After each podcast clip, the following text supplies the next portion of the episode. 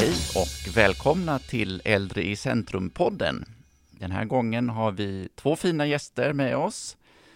Torbjörn Biltgård från Stockholms universitet och Peter Öberg från Högskolan i Gävle. Tackar. Tack för det.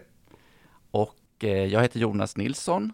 Det är faktiskt så att vi har en person till med oss, fast på telefon. Micke Mildén. Hallå?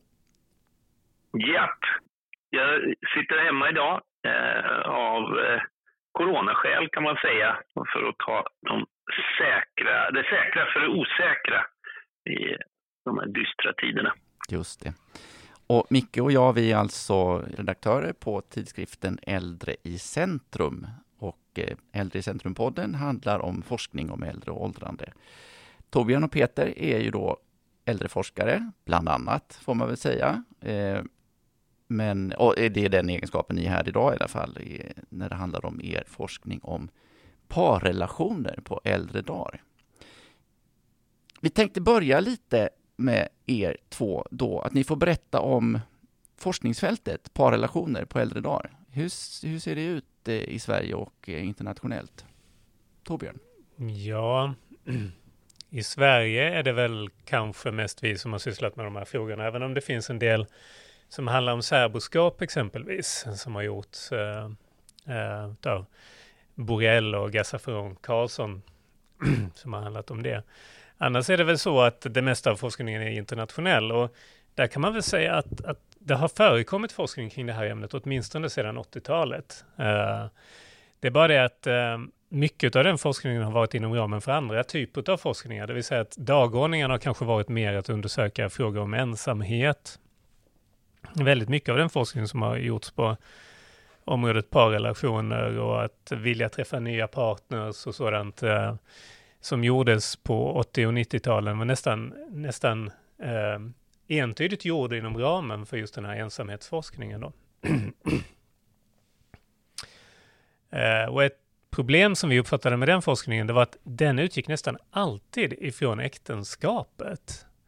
Så att eh, det handlade liksom om eh, önskan om att gifta om sig, eh, önskan om att eh, träffa någon ny som man kunde gifta sig med, vilket vi eh, ansåg ifrån kanske då ett svenskt perspektiv, men även ett amerikanskt, liksom är en väldigt felaktig fråga att egentligen ställa till äldre. Är det så att man är intresserad av att gifta om sig eller ej? Därför att eh, det är ofta inte det man går in i en ny relation med. Man är inte intresserad av att träffa någon ny person att gifta sig med. Man är träffa, intresserad av att träffa en ny partner. Sen kanske eventuellt i, i på en längre sikt, 10-15 år eller något sådant, så kanske man beslutar sig för att gifta sig. Men det är relativt ovanligt val i Sverige. Det är i princip ett, ett, ett icke-val.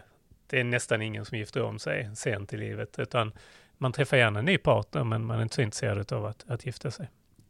Så att om man tittar på, på, på liksom ämnesområdet som sådant, så kan man väl säga att vi upplever det som att det är först egentligen på efter millennieskiftet som det har kommit forskning som har varit intresserad av erfarenheten av att träffa en ny partner. Uh, och det var ju där också som vi kom in i området så att säga då 2009 var det vi började väl, var det inte så Peter? Jag för mig. Så att um, um, det är väl nu som det har mognat lite grann som ett, ett område i egen rätt. Inte ett område som, som då har varit ett underområde till ensamhetsforskning i, i stort. Liksom.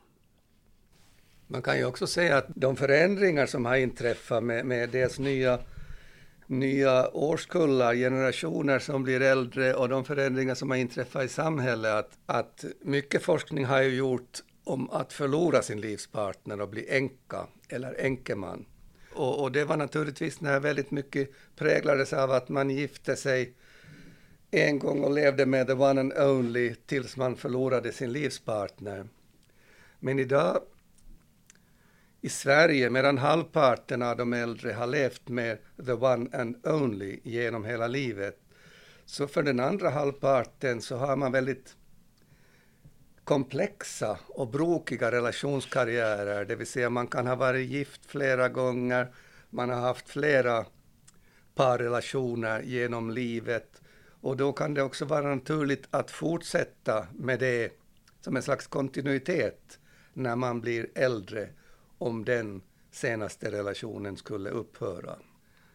just att bli änka, änkeman, som en av de, av de största livskriserna, att förlora en partner efter ett långvarigt äktenskap, som mycket bekräftar ens identitet, att, att vakna upp ensam första natten i dubbelsängen till exempel, är ju någonting som har beforskats väldigt mycket. Men idag ser verkligheten lite annorlunda ut. Om, om man, så vitt vi vet så var Sverige det första land i världen där det fanns flera frånskilda äldre än änkor och änkemän bland äldre. Men det är ju liksom viktigt, vilka erfarenheter bär man med sig in i ålderdomen och att, att dagens yngre äldre var ju de som till exempel var med om skilsmässorevolutionen när den började på, på slutet på 60 och på 70-talet. Och, och, det är naturligtvis någonting som man bär med sig i bagaget som, som några av våra intervjupersoner säger, det är ingen big deal att skiljas, inte större än att gifta sig till exempel. Och när man skiljer sig kan man, det kan vara sådana här berättelser när vi har intervjuat äldre som har skilt sig att, att jag skilde mig det året men samma år skilde både min son och min dotter sig också så att, så att man liksom, det är en väldigt normaliserad så gör vi i vår familj. Erfarenhet, ja visst. Det finns ju så otroligt många sätt man kan prata om det här med, med liksom ämnesområdet på. Med, några av de grejer som jag kommer att tänka på vid sidan av det som jag tog upp tidigare, det är ju delvis att det här är en slags generationsforskning också kan man ju säga. Det är liksom, just som Peter var inne på, det är ju nya generationer som har blivit äldre och de fortsätter att leva sitt liv lite grann som de gjorde som yngre. Alltså det är de här eh, generationerna som var med om den sexuella revolutionen, det var de som var med om äktenskaps eller skilsmässorevolutionen och sådant.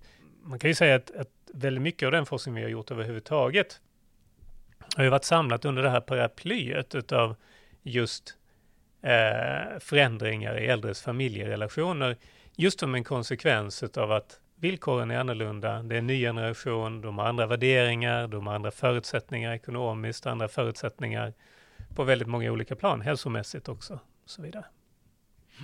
Eh, just det, ni, ni nämner ju här att ni har gjort intervjuer. Och eh, jag tänkte vi ska nämna lite att ni har ett projekt va, som, som ni kallar Nya intima relationer på äldre dagar. Det är mm. så. Och där har ni intervjuer med 28 personer från 60 år uppåt plus en enkätstudie. Eh, vi, kan ni berätta lite mer om den här studien och, och, och liksom vad, vad har kommit fram till och, och kanske främst då i vilken mån det är en, en ny bild som ni har, har eh, fått fram där.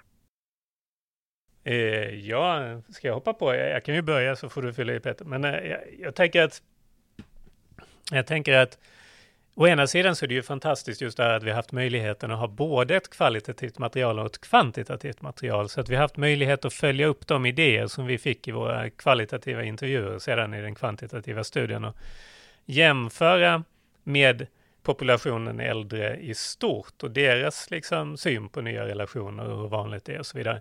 Och jag tror att anledningen till att vi fick chansen sedan att skriva den här boken för Policy Press om nya intima relationer sent i livet var ju just därför att vi hade de här liksom dubbla materialen som gjorde det möjligt på något vis att ge en mycket fylligare bild utav det här fenomenet.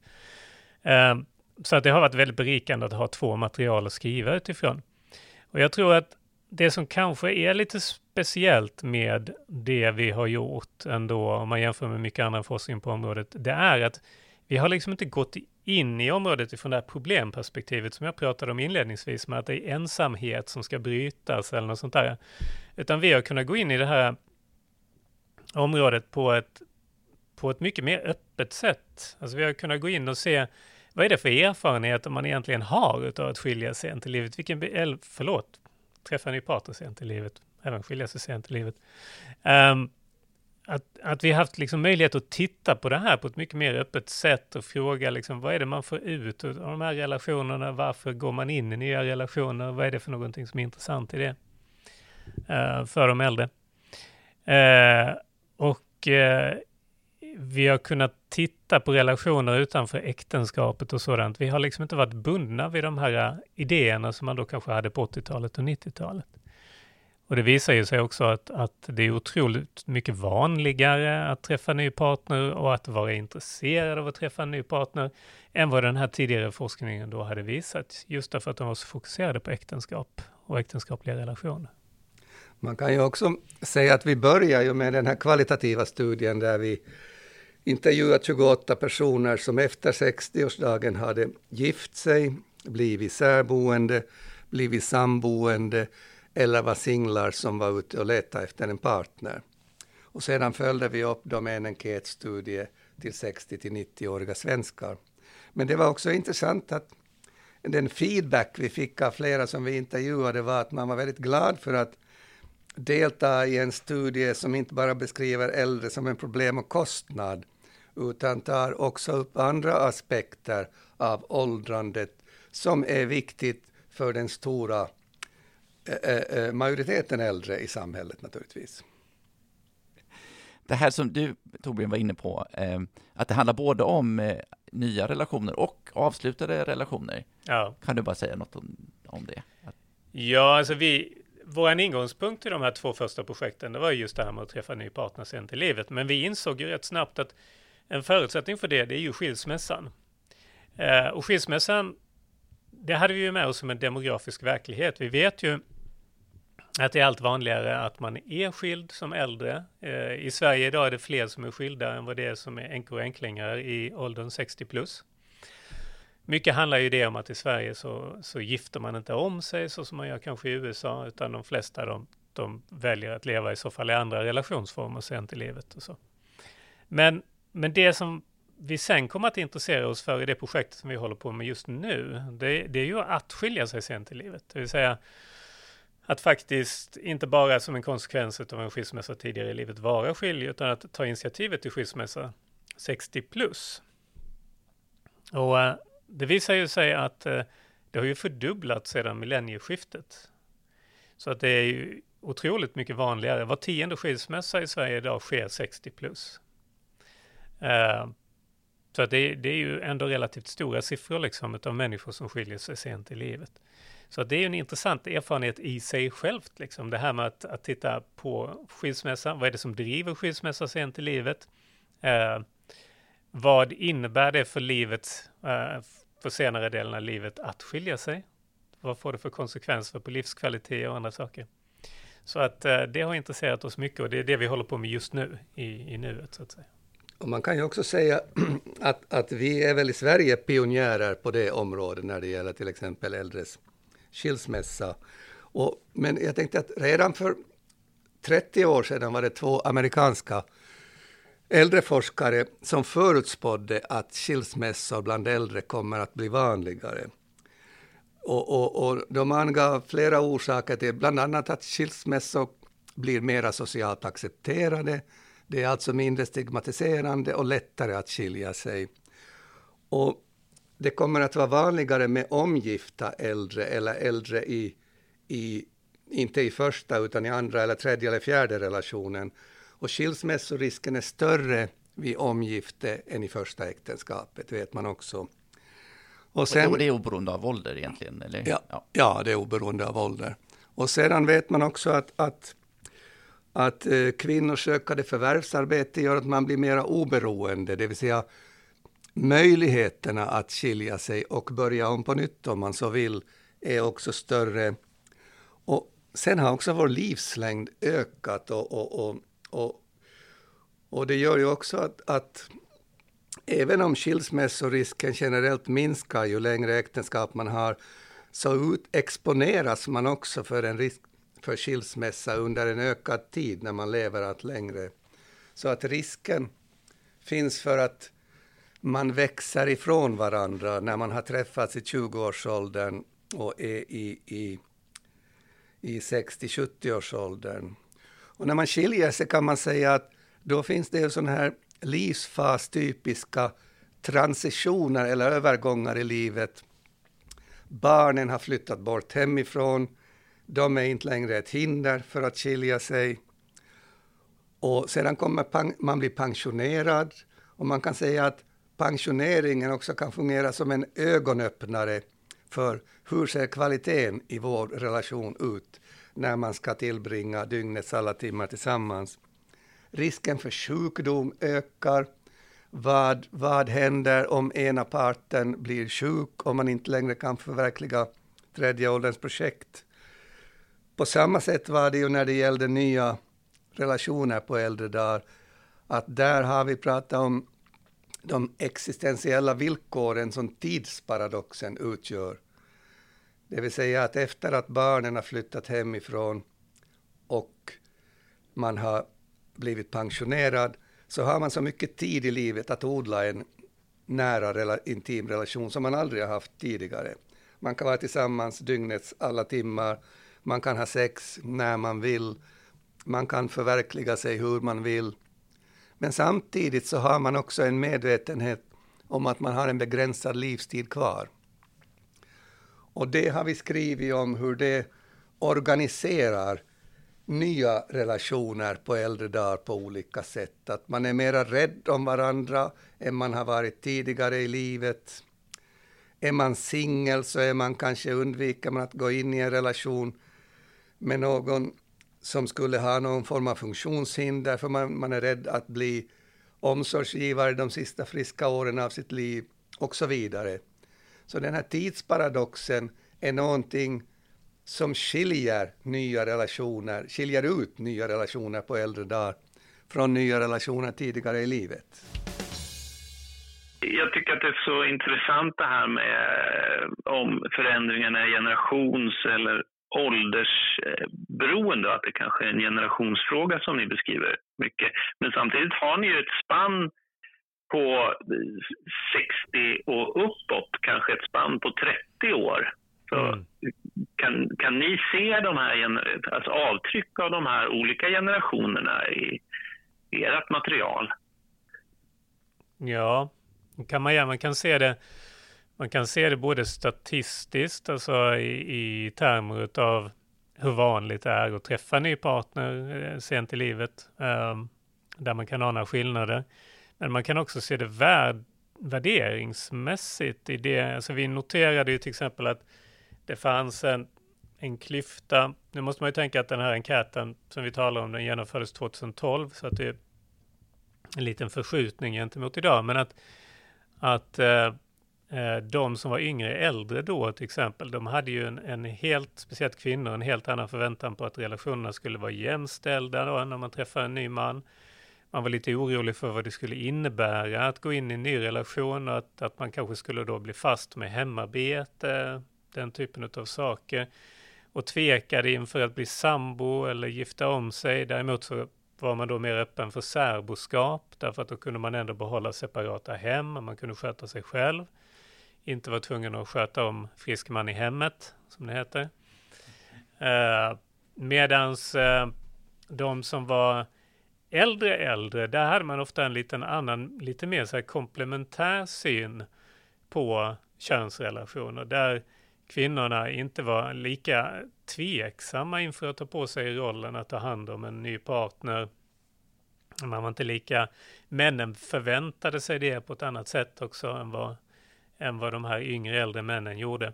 Så att man märkte liksom att det fanns en, en sådan värderingsförändring som hade skett någonstans mellan de här äldre äldre och de yngre äldre. När man levde i en äktenskapskultur så var äktenskapet den enda formen för en intim relation. Man gifte sig en gång och skilsmässa var en allra sista utväg. Det som hände kan man säga i väldigt många västländer på 70-talet var att det där, det som kallades no fault divorce, lagstiftningen slog igenom alltså att ingen behövde vara skyldig till ett äktenskapets upplösning, utan det räckte med att, att makarna hade glidit ifrån varandra. Så när man kommer in i en skilsmässokultur, så då kan man säga att äktenskap är bara en form för en intim relation. Skilsmässa är alltid en utväg. Att när man står på, en bröllop, på ett bröllop kan man tänka att hur länge ska det där hålla? Fem eller tio år till exempel. Och, och man måste alltid odla och vårda relationen för att den ska fortsätta. På samma sätt är det ju en historisk förändring eh, eh, jag tror att det var på 80-talet i Sverige, enligt SCB-siffror jag fick en gång, som generellt i befolkningen det blev vanligare att äktenskapet upplöses genom skilsmässa än genom enkestånd. Och man kan ju säga att tidigare då var, när, var äktenskapet den enda formen. Sen blev det möjligt med samboende som en relationsform. Man kunde bo tillsammans också utan att vara gift. Efter det gick man ännu ett steg vidare så att det blev också möjligt att vara man kunde ha en relation tillsammans också utan att bo tillsammans, det vill säga vara särboende. Och den här förändringen har ju också äldre blivit en del av, så att man säger i våra intervjuer att vi valde att leva som alla andra, som särboende. Att det blir en slags normalisering. Men det är ju en historisk förändring om man tänker att tredje åldern som ett begrepp, och det är ju också en ganska ny historiskt, nytt historiskt fenomen, att man har en relativt lång tid som vid relativt god hälsa och ändå med relativt god ekonomi för väldigt många att förverkliga just tredje ålderns projekt. Det som man inte har kunnat förverkliga i den andra åldern eh, när man har haft mycket måsten som förvärvsarbetet och barnuppfostran och som man är för skröplig att genomföra i den fjärde åldern när sjukdom och nedgång sätter in.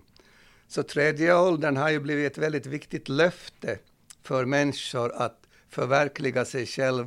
Och jag tror att därför också som jag och Torbjörn fann i vår eh, covid-enkät till 70-plussare som vi genomförde förra sommaren, att det verkar som att det är de yngre äldre som så att säga lider mest av covid-19 restriktionerna. Det vill säga det är de som har varit väldigt aktiva.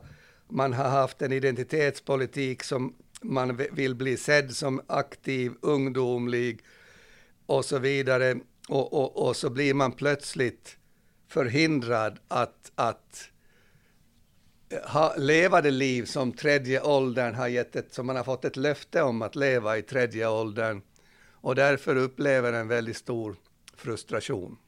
Alltså det är ju egentligen två stycken två stycken teoretiska grundantaganden som, som de här studierna bygger på. Den ena, det är ju just det här om tredje åldern. Liksom. Att, eh, jag menar, det handlar om en generation som har fått fler friska år till livet, som har en möjlighet att starta om sen, senare i livet än vad man har haft möjlighet att starta om tidigare. Som eh, generellt sett har bättre ekonomi, bättre hälsa och så vidare, vilket gör det möjligt liksom för den här typen av omstarter sent i livet som har eh, upplever det kanske som att de har ett löfte om att få leva ett aktivt liv i någon bemärkelse, fylla det här eh, senare delen av livet med, med olika upplevelser. Och där en partner är någon att göra det med helt enkelt. Uh, det finns en teori som heter teorin om dyadic coping till exempel. Det är föreställningen om att de flesta saker som vi har att hantera i livet, de hanterar vi tillsammans med någon närstående och i första hand en partner.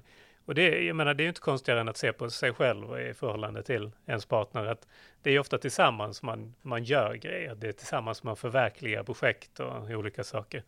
Så det är kanske inte så konstigt att man vill ha en partner sent i livet om man har god hälsa, om det är så att man, man vill förverkliga olika saker. Väldigt slående i våran studie, det var hur många i de här kvalitativa intervjuerna, hur många det var som hade träffats kring det gemensamma intresset att resa. Det var, det var så pass vanligt så att vi valde i enkäten att inkludera det som en egen fråga, därför att det var, det var så slående liksom det här med att man sökte en respartner och sedan när man var ute och reste så fann man sig intimt. Så att just det här med tredje ålderns löfte, det är liksom en central bakgrund till, till hela det här projektet om intima relationer sent i livet. Och sen den andra sån här teoretiska utgångspunkten som har varit viktig för oss, det är ju det här med eh, eh, Giddens teori egentligen om, om rena relationer. Tanken om att det skedde ett värderingsmässigt omslag i början på 70-talet. Det är inte så att man ser relationen som, som någonting som är fördefinierat som att det finns vissa roller man ska ta som man och kvinna, utan snarare är det så att man förhandlar allting i relationen och värdet i relationen det är att, att man just får ut någonting av den, någonting positivt av den. Sen kan man ju också, man kan ju också naturligtvis, eh, eh, eh, man tänker ju ofta på relationer om, om, om vilka känslor man fyller och vilka romantiska känslor man upplever tillsammans och så vidare. Men man kan ju också se på relationerna ur ett funktionellt perspektiv. Vad har en intim relation för funktion? Och man kan ju säga, eh, eh vilket vi också har skrivit om, hur, hur en partner liksom har, är ett multifunktionsstöd som fyller ens behov av emotionellt stöd, socialt stöd och praktiskt stöd. Så att man kan ju säga att ensamhushållen är på det sättet mera sårbara, för allt stöd man behöver ska komma någonstans utifrån hushållet ifrån. Men så har man en partner så står ofta partnern för det här viktiga stödet. Därför kan man också förstå varför när vi frågar singlar och de som har träffat en ny partner, äldre singlar, eh, eh, eh, hur, ser deras, hur förhåller sig deras vuxna barn till att man träffar en ny partner på äldre dagar? Så säger man nästan unisont att barnen är väldigt positiva barnen är fortfarande, en stor majoritet säger att barnen är positiva till att man flyttar samman. Sen blir det lite mindre andel som är positiva, men ändå ungefär hälften som är positiva till att man gifter sig, som påverkar arvsfrågan. Men det berättar också flera äldre om att, att barnen fungerar ju som stöd, ibland som datingcoacher också för sina äldre föräldrar och hjälper upp att lägga en hemsida på nätet till exempel. Och det kan man också förstå utifrån den funktion man säger att partnern har, att, att en, en ny relation avlastar barnen. Barnen behöver inte ha samma omsorg om mig och ringa varje dag, för de vet att jag har en person i hushållet eller i en särborelation som har den, fyller den funktionen. Och sen tänkte jag kommentera bara den här intressanta frågan med, med ålder och, och generation som, som eh, du ställde Micke. Att, eh, jag tänker att det är naturligtvis en, en, en, en generationsskillnad som ofta finns när nya kohorter eller årskullar kommer upp i hög ålder. Men det här som vi pratar om med de existentiella villkoren, med tidsparadoxen, så det är ju någonting som gäller, skulle jag säga, oberoende av generation. Det vill säga, när man kommer upp i hög ålder så blir man medveten om att man har en begränsad livstid kvar. Och det är också så, så, så man resonerar. Jag menar om man tänker sig att man har ett en dåligt äktenskap och man är i 64-årsåldern och tänker att man kanske enbart lever fyra år till så kanske man inte bryter upp och startar, inleder en ny relation. Men om man vet att man har kanske 20 relativt friska år kvar i livet, så då blir det den frågan som många ställer sig också i vårt skilsmässoprojekt, att jag insåg, det, det här, kan vara en, det, det här är ett exempel från en berättelse från våra intervjuer, att jag insåg att jag är 64, jag har ännu kanske 20 år kvar att leva, vill jag ha det på det här sättet som jag har det idag? Att man ställer liksom frågan utifrån tidshorisonten av ett begränsad livstid kvar egentligen. Och det gör att man kan fatta olika beslut som man kan förklara. I vår studie om nya relationer så var det ett par som hade flyttat samman kanske enbart en eller två veckor efter att de hade träffats och vi ställde frågan att varför, hur kom det sig att ni flyttade ihop så snabbt? Och fick svaret att i vår tid har man inte, i vår ålder har man inte tid att, att, att uh, tänka så länge, utan vill vi ha någonting så tar vi det bums, ja. fick vi till svars. ja, det är vackert tycker jag. Ja, nej, en fråga blir ju lite då, om man ska sia lite om nästa generation och vad som händer då. Då, då gissar jag att mycket av det här Ja, med, med att göra att man har lite bättre ekonomi, man är lite friskare, så mycket av det här kommer vara samma. Men är det någonting som, som vi kan ana oss till när, när nästa generation kommer? Man kan säga medan, medan skilsmässorna generellt i samhället har planat ut va, och det inte sker någon, någon stor ökning, så ökar fortfarande skilsmässorna bland äldre. Som Torbjörn nämnde, det har blivit vanligare både att vara skild, det som kallas prevalenstal, och att skilja sig, det som kallas incidenstal. Och att det är så i Sverige idag att av, av alla frånskilda svenskar så är nästan hälften 60 år och äldre på grund av att man har då skilt sig ofta tidigare i livet men inte gift om sig. Men också var tionde som skiljer sig är idag 60 år och äldre. Och, och, och det är ju naturligtvis intressant om den trenden fortsätter. Det här med naturligtvis, om det blir en, en fortsätter med att vara en ökad rörlighet in och ut ur parrelationer, också på äldre dagar. Jag, jag tolkade nog din fråga, Micke, i termer av framtid på något vis, någon framtidsspaning. Jag, jag tänker att man får väl titta på hur ungdomar idag i så fall, eller folk i i medelåldern, hur de lever sina liv. Och jag upplever det nog som att det kanske inte är någon jättestor skillnad där gentemot de yngre äldre och eh, medelålders och yngre i det avseendet. Det man kan fundera lite på det är ju att Esping Andersson, han skrev någon bok här om sistens om familjens utveckling, där han just visar på att det här med att skilja sig börjar bli lite mindre vanligt bland ungdomar. Alltså att man värderar att hänga ihop lite högre. Eh, inte minst av ekonomiska skäl, att det inte de ekonomiska förutsättningarna för skilsmässa börjar bli lite sämre för ungdomar än vad de har varit för just den här generationen, efterkrigsgenerationen som, som har varit vårt fokus då. Så att Spaningen skulle ju kanske eventuellt kunna vara, men det är ju en väldigt, väldigt lös spaning, men det skulle ju kunna vara att det kanske går tillbaks en liten aning för, för nästa generation äldre igen. Um, det har ju varit en väldigt speciell generation på många sätt, de här eh, efterkrigsgenerationerna. Så. Sedan finns det ju sånt som, som den pågående pandemin som vi har naturligtvis väldigt svårt att sia om kanske vet först om något decennium riktigt vilka effekter den har till exempel. Det är lite intressant med pandemin eftersom eh, det, man kan dra vissa paralleller till pensioneringen. När man blir pensionerad va, så då är man plötsligt 24 timmar om dygnet tillsammans. Och ofta har man en god relation så är det ofta bra för en god relation. Man kan göra mera saker tillsammans, man får mera tid.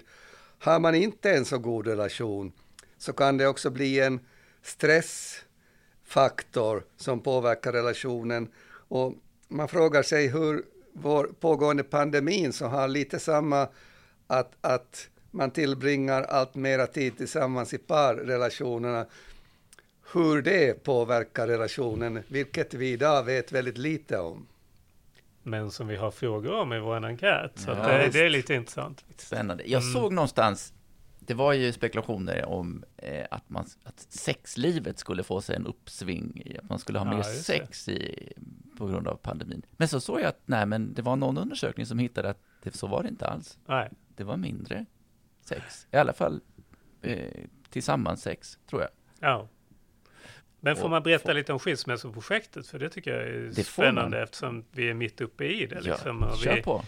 Ja, alltså jag menar, vi har ju tittat, vi, vi, har ju ett brett material. Vi har ju 37 intervjuer, kvalitativa intervjuer med folk som har skilt sent i livet. Men en av de frågor vi har närmat oss först är just det här med varför skiljer man sig sent i livet? Uh, och det knepiga med skilsmässoforskning ur ett sånt här lite mer vetenskapsteoretiskt perspektiv, det är ju att folk skiljer sig sällan av en orsak, utan det är ju liksom en lång process. Folk, det, det går upp och ner, under perioder i livet så vill man skilja sig, och sen så går det över, och sen så poppar det upp igen. Uh, men vi har hanterat det där genom att försöka isolera istället narrativ om skilsmässa. Där, där vi liksom lägger ihop de här eller man försöker se vilka typiska berättelser finns det om skilsmässa helt enkelt. Och då identifierade vi fyra sådana typiska berättelser. Peter kommer att säga fem, men jag säger fyra. Mm. en schism. en schism. där, där liksom, den första berättelsen, det är just den här berättelsen om att uh, uh, helt enkelt att uh, man kommer in i tredje livsfasen, i tredje åldern. Och andra ålderns projekt, de, är, de är, har upphört. Det här med barn, skapa hem, arbetsdelning i yrkesliv och sådant, det är inte längre relevant. Och då är frågan, har man något projekt gemensamt? Eller är det så att man står utan projekt inför den här tredje åldern?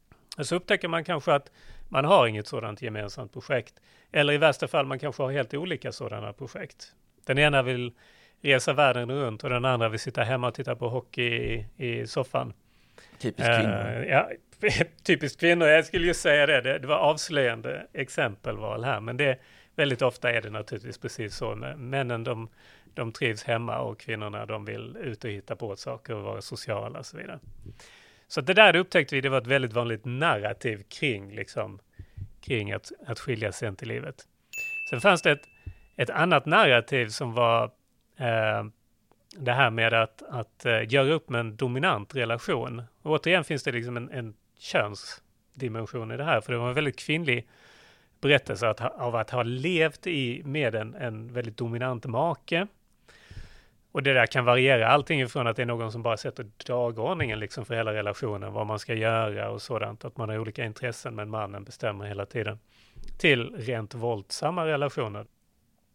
Och det har man stått ut med väldigt mycket därför att man har haft gemensamma barn och sen flyttar barnen hemifrån. Under en period så kanske det har varit uthärdligt. Sen går man i pension och så inser man att nej, det här går bara inte längre. Sen hade vi en tredje typ av berättelse som var vanligt och det handlade om hälsa och sjukdom. Att någon av parterna helt enkelt blir sjuk. Och att i den här eh, sjukdomen så sker det en, en, personlighetsförändring. Så att den här personen som man har älskat och levt tillsammans med under ett helt liv helt plötsligt blir en helt annan person. Eh, vanligt är ju helt enkelt att man blir väldigt trött på grund av sjukdom, man orkar inte längre med, man, man, man kan liksom inte delta i de här tredje ålderns projekt som man har haft kanske då, som man har sett fram emot. Man blir i det, i det avseendet en belastning liksom för sin partner. Eller att man blir väldigt introvert. Eller i värsta fall, om det handlar om demensprocesser och sådant, så kan man ju bli fullständigt personlighetsförändrad. Man kan bli elak. Vi har berättelser om, om eh, folk som får stå ut med att frun häller salt i sängen på natten. Äh, häller vatten över en i trapphuset eller andra saker. Liksom att blir, blir helt enkelt väldigt elak.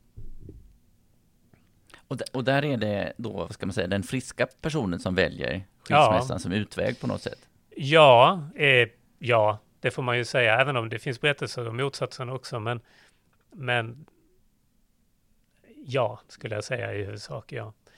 Sen hade vi en, en sista, fjärde berättelse som också var intressant och det, som de flesta säkert känner igen och det är den här berättelsen om det sista romantiska äventyret, det vill säga att, att uh, man bryter upp en relation därför att man har funnit någon annan, någon mer spännande. Uh, det, när kvinnorna berättar om det här så är det ju mannens medelålderskris eller kanske då tredje ålderskris, pensioneringskris kanske ett bättre ord i det här fallet då.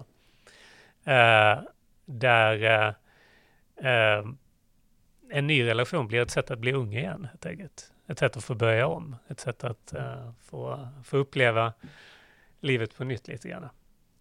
Och det är ju också väldigt långa processer för att fortsätta det här att komma till ett skilsmässobeslut. Det är ofta väldigt, det är en stor kris i livet och, och, och även om, om, om åtminstone halvparten av de som skiljer sig väljer någon tar initiativet så man, gör ju sådana här rationella val och överväger vad är kostnaderna, vad är vinsten, vad är, vad är liksom det goda eller attraktionen i den relation man har eller det dåliga. Och vilka hinder har man om man ska skilja sig? Hur ska man klara ekonomin? Kommer man att bli ensam? Ofta saker som man oroar sig för. Och vad är lockelsen till livet efter den parrelation som man har. Och det kan ju vara naturligtvis givet om man redan har träffat en ny partner, så då är det så att säga det som är vinsterna och det som avgör. Men många väljer ju också att man vill leva ett oberoende singelliv. Så att man gör de här övervägandena, det är ofta en lång process och ofta är det, det är svårt med tajmingen. Apropå sjukdom som Torbjörn nämnde, så kan det vara så att det kan vara svårt att lämna en partner som just har blivit eh, eh, eh, halvt förlamad av en sjukdomsattack till exempel, utan då måste man vänta tills partnern blir bättre, även om man har tänkt skilja sig. Så kan det ju vara det här med att barnen bor hemma, även partnern kan använda det, du ska väl inte förstöra för barnen nu. Och sedan kommer barnbarnen, då kan det också vara svårt att skilja sig. För de som tar initiativet kan man säga, har det ofta varit en lång process. Ofta har skilsmässotankar aktualiserats tidigare, men man, man har till exempel gått i parterapi, man har löst det. Men sedan kommer man då till den punkt. Men en stor skiljelinje i vårt material var ju mellan de som initierar skilsmässan och de som blir ställda inför faktum, det vill säga dumpade som man säger i vardagsspråk. Och, och där var ju en väldigt stor skillnad i vårt material, för, för de som blev dumpade, om man får ut, använda det uttrycket, så kom beslut, beskedet ibland som en blixt från en klar himmel. Det är liksom medan den andra parten kanske hade förberett sig en längre tid. Och då kan man också uppleva sig, speciellt om man blir bortvald, till exempel för en yngre kvinna, uppleva sin åldrande, att man blir som någon säger kastad på sophögen, man är ingenting värd längre och så vidare. Så att det sätter ju också igång processer när man, när man, när man skiljer sig. Men ofta finns det en lång, en lång historia bakom. Och nu kan man säga att vi har ju också, på samma sätt som man pratar om guld och silverbröllop, kunde man kanske prata om guld och silverskilsmässor. Och vi har ju en stor variation Ja, vi, har, vi har enbart några som så kallade guldskilsmässor där man har skilt sig efter ett 50-årigt äktenskap. En väldigt långa. Medan många var, var så kallade silverskilsmässor där man skilde sig efter, efter 25 år, efter 30-40 år. Men sedan hade vi också, man hade varit gift, kanske till och med var gift fjärde gången och skilt sig efter 10 års tid till exempel. Så att det var liksom en stor spännvidd i, i om man skiljer sig från ett långt eller kortvarigt förhållande. Och man vet ju när det gäller nya relationer, så vet man att män är mera intresserade än kvinnor, skaffar oftare nya relationer, och frånskilda är mera intresserade än änkor och änkemän. Så det är ju också en förklaring till att det blir vanligare med nya relationer när det blir flera frånskilda. I vår enkätstudie ställde vi frågan om man till sing, äldre singlar eh, eh, om man var tveksam till att ingå en ny relation.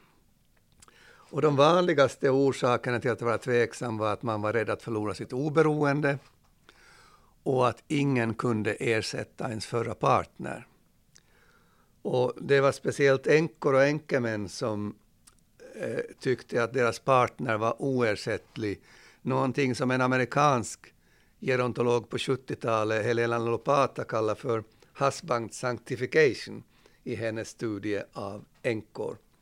Medan det då var väldigt få av de frånskilda som tyckte att deras förra partner skulle vara oersättlig. Och, och, och, och, det är naturligtvis en skillnad att ställa sig inför frågan om man ska inleda en ny relation efter äh, när man blir singel på äldre dagar, så är det en annan verklighet om den frågan ställs efter ett 50-års äktenskap med the one and only, eller om frågan ställs efter ett femårigt samboförhållande med den femte partnern man redan har haft i livet. Så att det ser liksom, det, det, det har ju också, relationshistorien spelar ju också in här, som, som, som, som ser väldigt komplex ut på grund av ackumulerad ålder så är det ju de äldre som, som, som inte har levt med en och samma partner som ofta har de mest komplexa relationskarriärerna. Jag måste bara... Det var fyra, du hade fyra, Torbjörn, fyra mm. Grupper. Mm. Och, men Peter, du hade den femte. Var det den här med att strävan efter ett singelliv, eller vad, vad, vilken är din som du vill? Nej, det är naturligtvis, man kan också prata om det här med bristande intimitet, men det finns ju i, i väldigt många, många berättelser, va? Där, där man berättar alltså om, om man har olika krav och standard på intimitet. Men, men, det, men det finns ju naturligtvis i många berättelser bland de som skiljer sig, så att någonstans att kärleken finns inte kvar längre. Det är liksom en... en, en, en äh, äh, men det är också viktigt att säga just att det här att de här olika livsfaserna har olika, kanske målsättningar. Att även om man väljer att skilja sig i tredje åldern från sin partner, så kan den partnern ha varit en mycket god partner för ens andra ålder. Vi har pratat mycket om män och kvinnor nu. Ja. Eh, och, och, en sak som vi snuddade lite på förut eh, innan vi satte igång var det här med samkönade relationer. Är det någonting som ni har fått någon känsla för eh, eller finns det någon anledning att tro att det, att det är en skillnad överhuvudtaget? Ja, det, är nog, det finns anledning att tro att det är skillnad. Alltså, det finns ju en del forskning på området, så att eh, det finns det ju bland annat så är det väl ett relativt eh, välkänt faktum i det här forskningsområdet att eh, åtminstone i gaykretsar att eh, man åldras snabbare, som det heter. Det vill säga att man, man anses vara äldre tidigare. Och att man förlorar då någon typ av partnervärde i förhållande till, till andra tidigare då i, i, i livet. Men vi har inte egentligen i vårt material sett speciellt mycket därför att eh, vi sökte ju Eh, personer med samkönade relationer men fick ingen som hörde av sig egentligen till de här eh, kvalitativa intervjuerna. Och i, i vårt kvantitativa material så, så var det bara en handfull, alltså så pass få så att det inte egentligen fanns någon möjlighet att uttala sig om det. Eh, och en spekulation där, det är väl helt enkelt att det här är eh, generationer som har upplevt Eh, ett förtryck som, som eh, homosexuell och, och, kanske inte är så beredd att berätta om de erfarenheterna i, i enkäter. Vi vet att eh, vi vet till exempel att eh, man har haft samma problem i ULF-studien och, och fått tag i folk med samkönade relationserfarenheter. Men, men det finns ju däremot de som har fokuserat enbart på den här gruppen. Och, och, som ju, så att det finns ju forskning definitivt på detta, det finns det. Mm. Jag tror att i, de, i den statistik vi, vi beställde från SCB för nu är det ett antal år sedan, så fanns det nästan ingen som levde i, i samkönad relation enligt deras hushållsstatistik, vilket ju var väldigt märkligt. Mm. Och, och, kan man säga. Det man ju vet, vi har inte studerat som sagt eh, eh, eh samkönade relationer, det man väl vet från, dem, från, från andra studier att åldersheterogeniteten är större i samkönade relationer, det vill säga åldersskillnaden mellan, mellan de två parterna i parrelationen. Men, men just i den frågan tror jag som Torbjörn precis att där kan vi ju vänta oss stora eh, förändringar mellan generationerna om man har växt upp i, i ett samhälle när när det var patologiserat till exempel så kan man fråga sig att hur positivt är det då att komma ut ur skåpet som äldre till exempel. Så att där tror jag att, att man kan ha en väldigt stark generationseffekt och att vi kan se att vi kommer att se större förändringar med nya, med nya generationer äldre. Mm. Jag ska bara flika in här, eh, ULF-studien, det är alltså undersökningen om levnadsförhållanden ja, som SCB, Statistiska centralbyrån, gör. Ja, exakt. Men bara upp till, vilken åldersnivå är det nu igen? Åt, är det upp till 85? Jag kommer inte ihåg, men det är, något, det är något, det bryts av där vid något åldersspann. Eh, en annan fråga som man kan komma in på när det gäller eh, någon slags stratifiering i, i enkätmaterialet, det är ju eh, om det finns någon klassskillnad. Finns någon, har ni sett någon klasskillnad i materialet som ni studerar? Nu pekar de på varandra här. Det är en svår fråga. Man får, man får passa också. Uh, ja, frågan är om vi inte bara ska passa därför att uh, det finns det kanske. Alltså jag kan inte, jag kan inte riktigt minnas, alltså jag tror inte att vi har gjort någon grej av det helt enkelt. Det har nog inte stuckit ut så mycket så att det liksom har varit någonting som vi har eh, gjort någon stor sak av.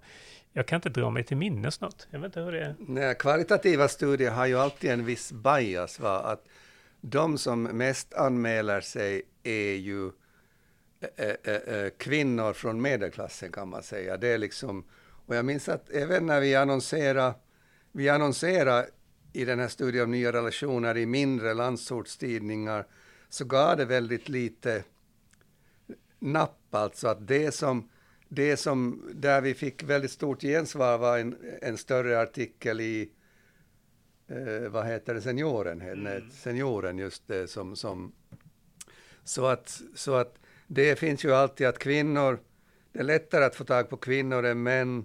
Sedan kan man också missbedöma hur känsliga frågorna. Jag tänkte när vi gjorde vår